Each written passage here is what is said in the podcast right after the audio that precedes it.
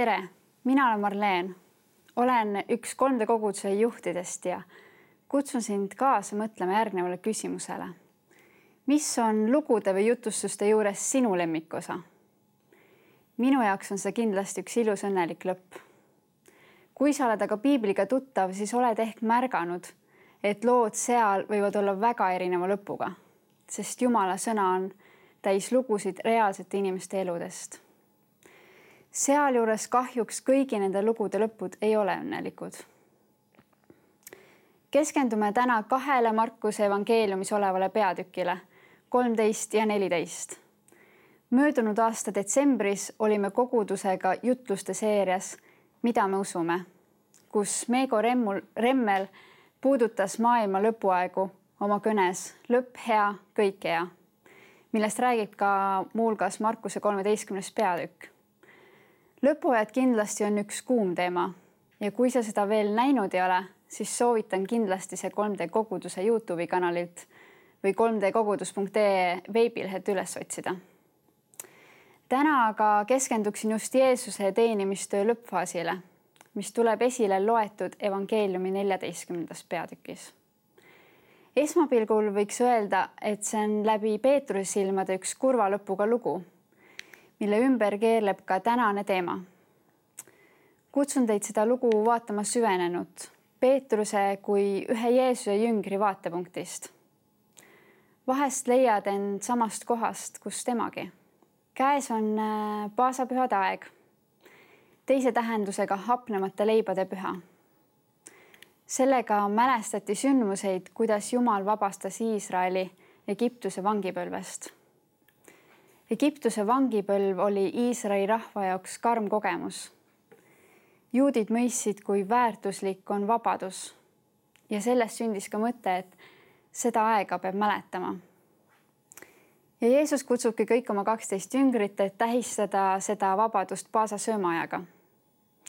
seal ta aga muuhulgas ka teatab, et see on tema viimne söömaaeg maa peal koos jüngritega jüngrite peas arvatavasti tekkis segadus, et kas see on jälle üks Jeesuse kujundlik tähendamissõna või, või siis tõesti kolmekümne kolme aastane Jeesus, kes pidi olema maailma päästja, kauaoodatud Messias väidab, et ta läheb nüüd siit maailmast ära. peagi lisab Jeesus, et äh, jüngrid, muuhulgas Peetrus, salgavad tema juba sel samal ööl. Markuse neliteist, kakskümmend kuus kuni kakskümmend üheksa on kirjas. ja kui nad olid laulnud kiituslaulu läksid nad välja Õlimäele. ja Jeesus ütles neile. Teie kõik taganete minust, sest kirjutatud on, ma löön karjast ja lambad pillutatakse laiali. kuid pärast minu ülesäratamist lähen ma teie eele Galileasse. aga Peetrus vastas talle, kui ka kõik taganevad, siis mina küll mitte.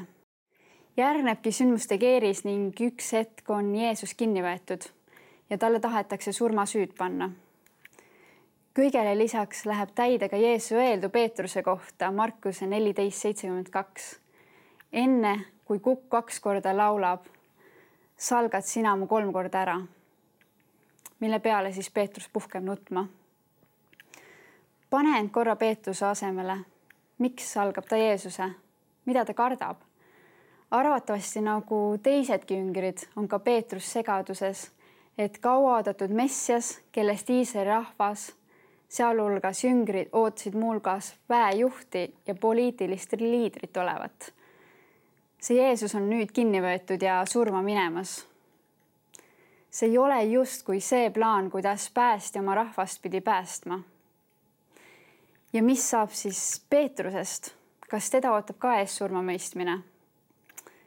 on palju küsimusi, palju segadust palju hirme tuleviku ees. just nagu meiegi eludes.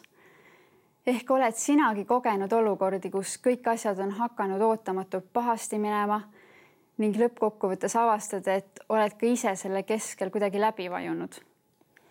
ootamatult tuleb teele takistus, mõni raskus, kaotus või muu olukord ning ühtäkki leiame end küsimast, mis saab sellest head tulla võib-olla üks valesti käitumine on külvanud sinu ellu häbi ja valu.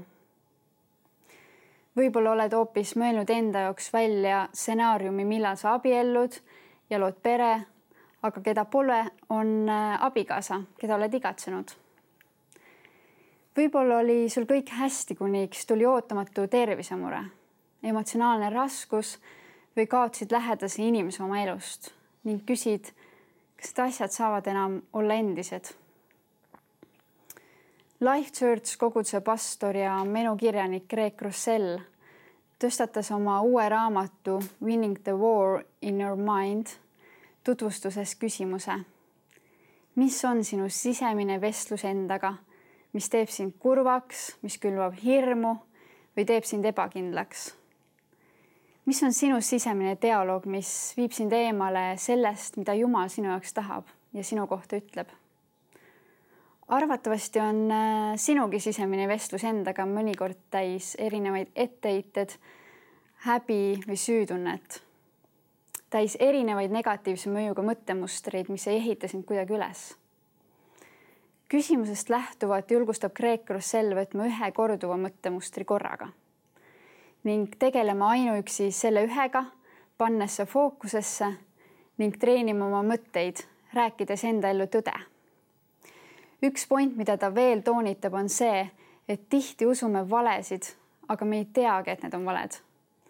peame need valed tuvastama ja asendama Jumala öeldud tõega, sellega, mis tema sõna ütleb. piibel on täis armastavaid ja lootusrikkaid sõnumeid, kus ta lubab meid mitte hüljata, tervendada ja meie kõrval olla kui oled äh, tuvastanud selle ühe valupunkti enda jaoks, siis uuri piiblit ja lase sellel enda ellu rääkida igapäevaselt. Grosselli kogemuste põhjal võib selle ühe mõttemustri muutmiseks minna isegi aastaid. seega, kui me mõtleme, miks astume ajast aega samasse auku või samasse ämbrisse, teeme samu vigu, süüdistame end samades asjades või siis kardame sarnaseid asju siis ehk on aeg haarata ühest korduvast mustrist kinni ja sellega päriselt tegelema asuda. võib-olla seda kuulates mõtled, et ähm, see on jälle üks tore teooria, et kui sa vaid näeksid minu olukorda, siis teaksid, et asjad ei ole nii lihtsad. või sinul on ju hea elu ja sa ei tea, millest sa räägid. olen näinud, et igalühel on oma raskused ja väljakutsed elus minu peas on varasest teismisest käimas samad võitlused tänini, mis suruvad alla minu identiteeti.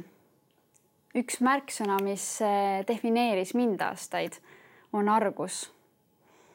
algselt tekkis see koolikiusamisest, kuna muutusin selle tagajärjel üha aramaks ja ebakindlamaks, siis süvenes see, kui inimesed minu ümber, mitte üldse halvaga, aga kuidagi defineerisid mind nii iga kord, kui keegi ütles isegi julgustavalt, et ole julge, siis äh, tegelikult see tegi mulle haiget, sest ta ju mõtles sellega, et olen liiga arg ja vaikne või tagasihoidlik.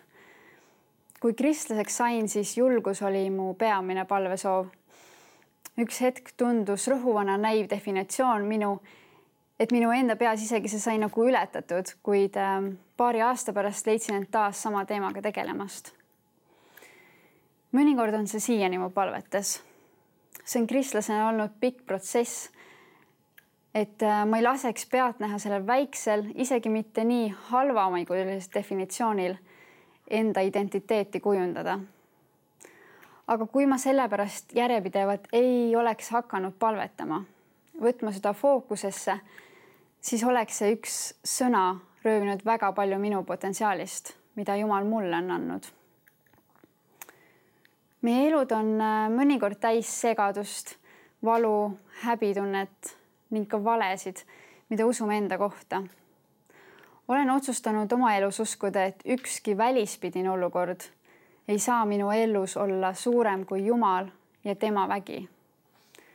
kui ma ei näe ise lahendusi, siis äh, mind on alati julgustamas kirjakoht piiblist Jesaja viiskümmend viis, kaheksa kuni üheksa. aga minu mõtted ei ole teie mõtted ja teie teed ei ole minu teed, ütleb issand. sest otse kui taevad on maast kõrgemal, nõnda on minu teed kõrgemad kui teie teed ja minu mõtted kõrgemad kui teie mõtted. ühed äh, mõjukad mõttemustrid meie peas on ka eelarvamused. mis on eelarvamus? Eesti keeles sõnastik ütleb, et see on harjumuspäraseks ette kujunenud valmis arvamus millegi kohta. Sageli on see eitav, tõrjuv, halvaks panev, hukkamõistev. eelarvamuste sisse on tegelikult juba kirjutatud, et see on enamasti negatiivne. see on ka taustaoletus, mis tähendab, et inimene oletab mingis asjas või kellegi suhtes mingisugust tausta. aga see on ainult oletus. inimestel on taustaoletus iseenda kellegi teise või Jumala suhtes. Aga kui Jumal päriselt on hoopis selline, nagu me Markuse evangeeliumist äh, lugenud oleme ja kuidas Markuse evangeeliumis Jeesus seda edasi annab, siis on igasugune negatiivne taustaoletus tema või meie endi kohta vääroletus. sest selle maailma ja meie elu sündmuste taustal kõrgub üle kõige meid päästev issand, kes on valmis isegi surema et meil oleks elu ja õnnistus. Kui meie või teiste eest on keegi valmis surema, siis oleme me talle ülemäära olulised ja väärtuslikud. eelarvamus võib olla ka tulevikuline, võime arvata, kuidas keegi käitub, kui juhtub asi X või mis hakkab juhtuma, kui asjad on läinud nii ja nii.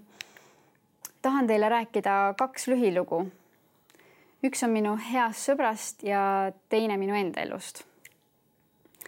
Lugu minu lähedasest inimesest. mitteametlikult on ta küll pereliige, südames aga ta seda on. ta emal ähm, on mitmed sõltuvused, isa otsib pidevalt tööd. ema jätab vastsündinu kordi üksi pikaks ajaks koju. isa on armastav, samas ta tõmbab kaela erinevaid pahandusi mis osas aitab kaasa ka tema äkiline iseloom. poisi eest hakkab hoolitsema vanaema, kes mõne aja pärast enda ja oma mehe tervise halvenemise pärast ei jõua enam poisi eest hoolt kanda. ja poiss maandub seitsmeaastaselt lastekodus. seal on ta üsna rahutu, krutskeid täis ja tõmbab kaela erinevaid pahandusi lisaks avaldub temas ka isale sarnast äkilisust mis te arvate, mis on selle poisi tulevik? teine lugu minu abielust. Minu abikaasa on sündinud armastavasse perre. siiski ei ole tema suguvõsas mitte ühtegi abielu ega paarisuhet, mis oleks jäänud püsima. kui meie abiellusime, siis äh, mis on selle saatuse järgi meie abielu tulevik? ilma Jumala mõõtmeta ehk eh, ilma imede väe sekkumiseta võiks arvata, et mõlemad lood on kurva lõpuga teekonnal.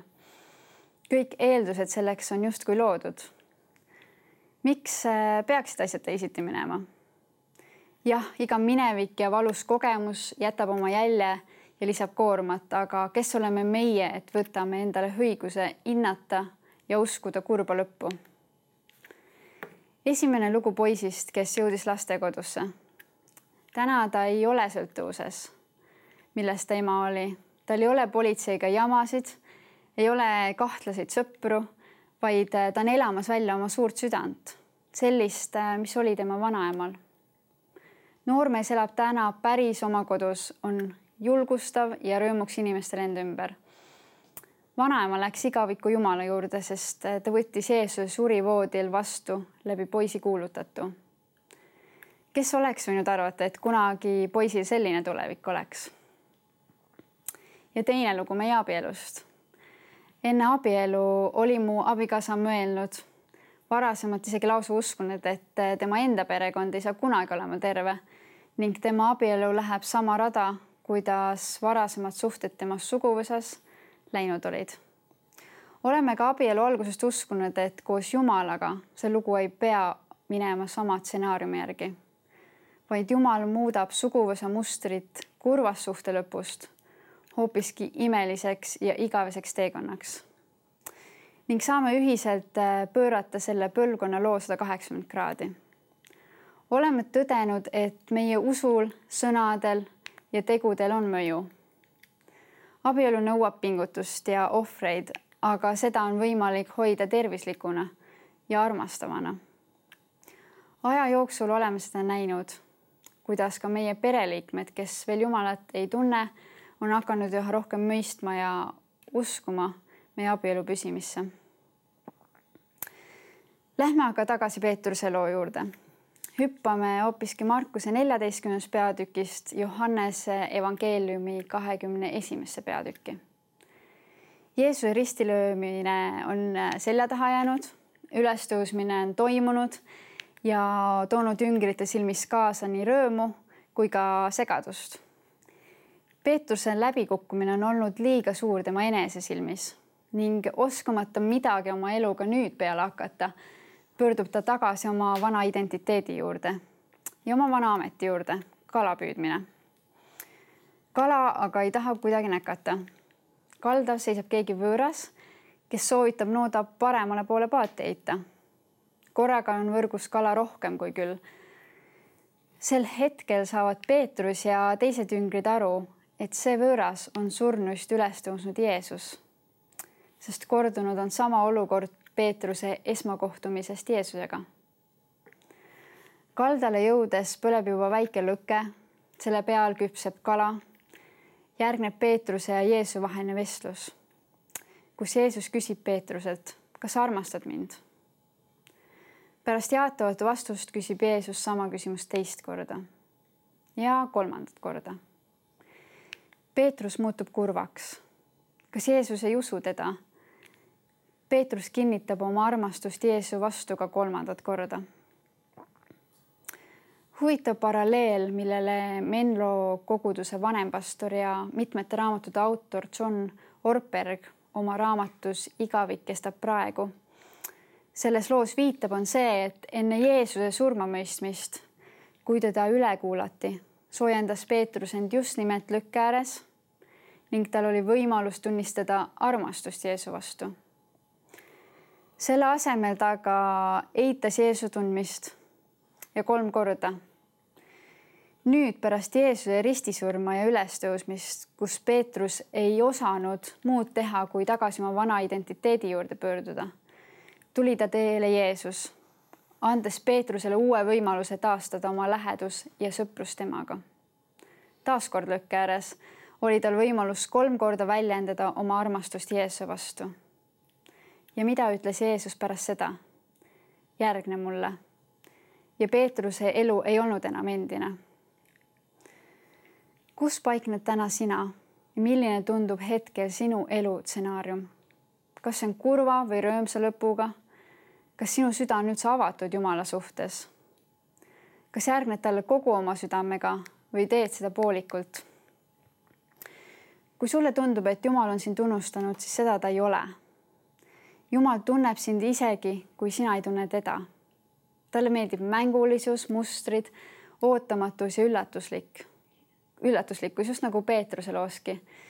iga asi omal ajal, see on Jumala muster, ta ei ole sind jätnud kuidagi ta kutsub sind endaga lähedasse sõprusesse, alustama või taastama oma suhet temaga.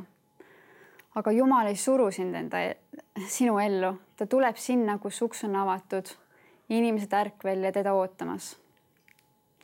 enne kinnivõtmist võimude poolt palus Jeesus jüngreid Ketsemani aias valvata ja palvetada, aga jüngrid jäid magama ja nii mitu korda. ära sina maga maha midagi suuremat kui sinu igapäevaelu ära maga maha privileegi elada koos Jumalaga, teda teenides ja tema plaane oma elus. aitäh, et sa kuulasid. ja nüüd on sul võimalus arutada kogukonna keskel või üksi kodus olles järgnevate küsimuste üle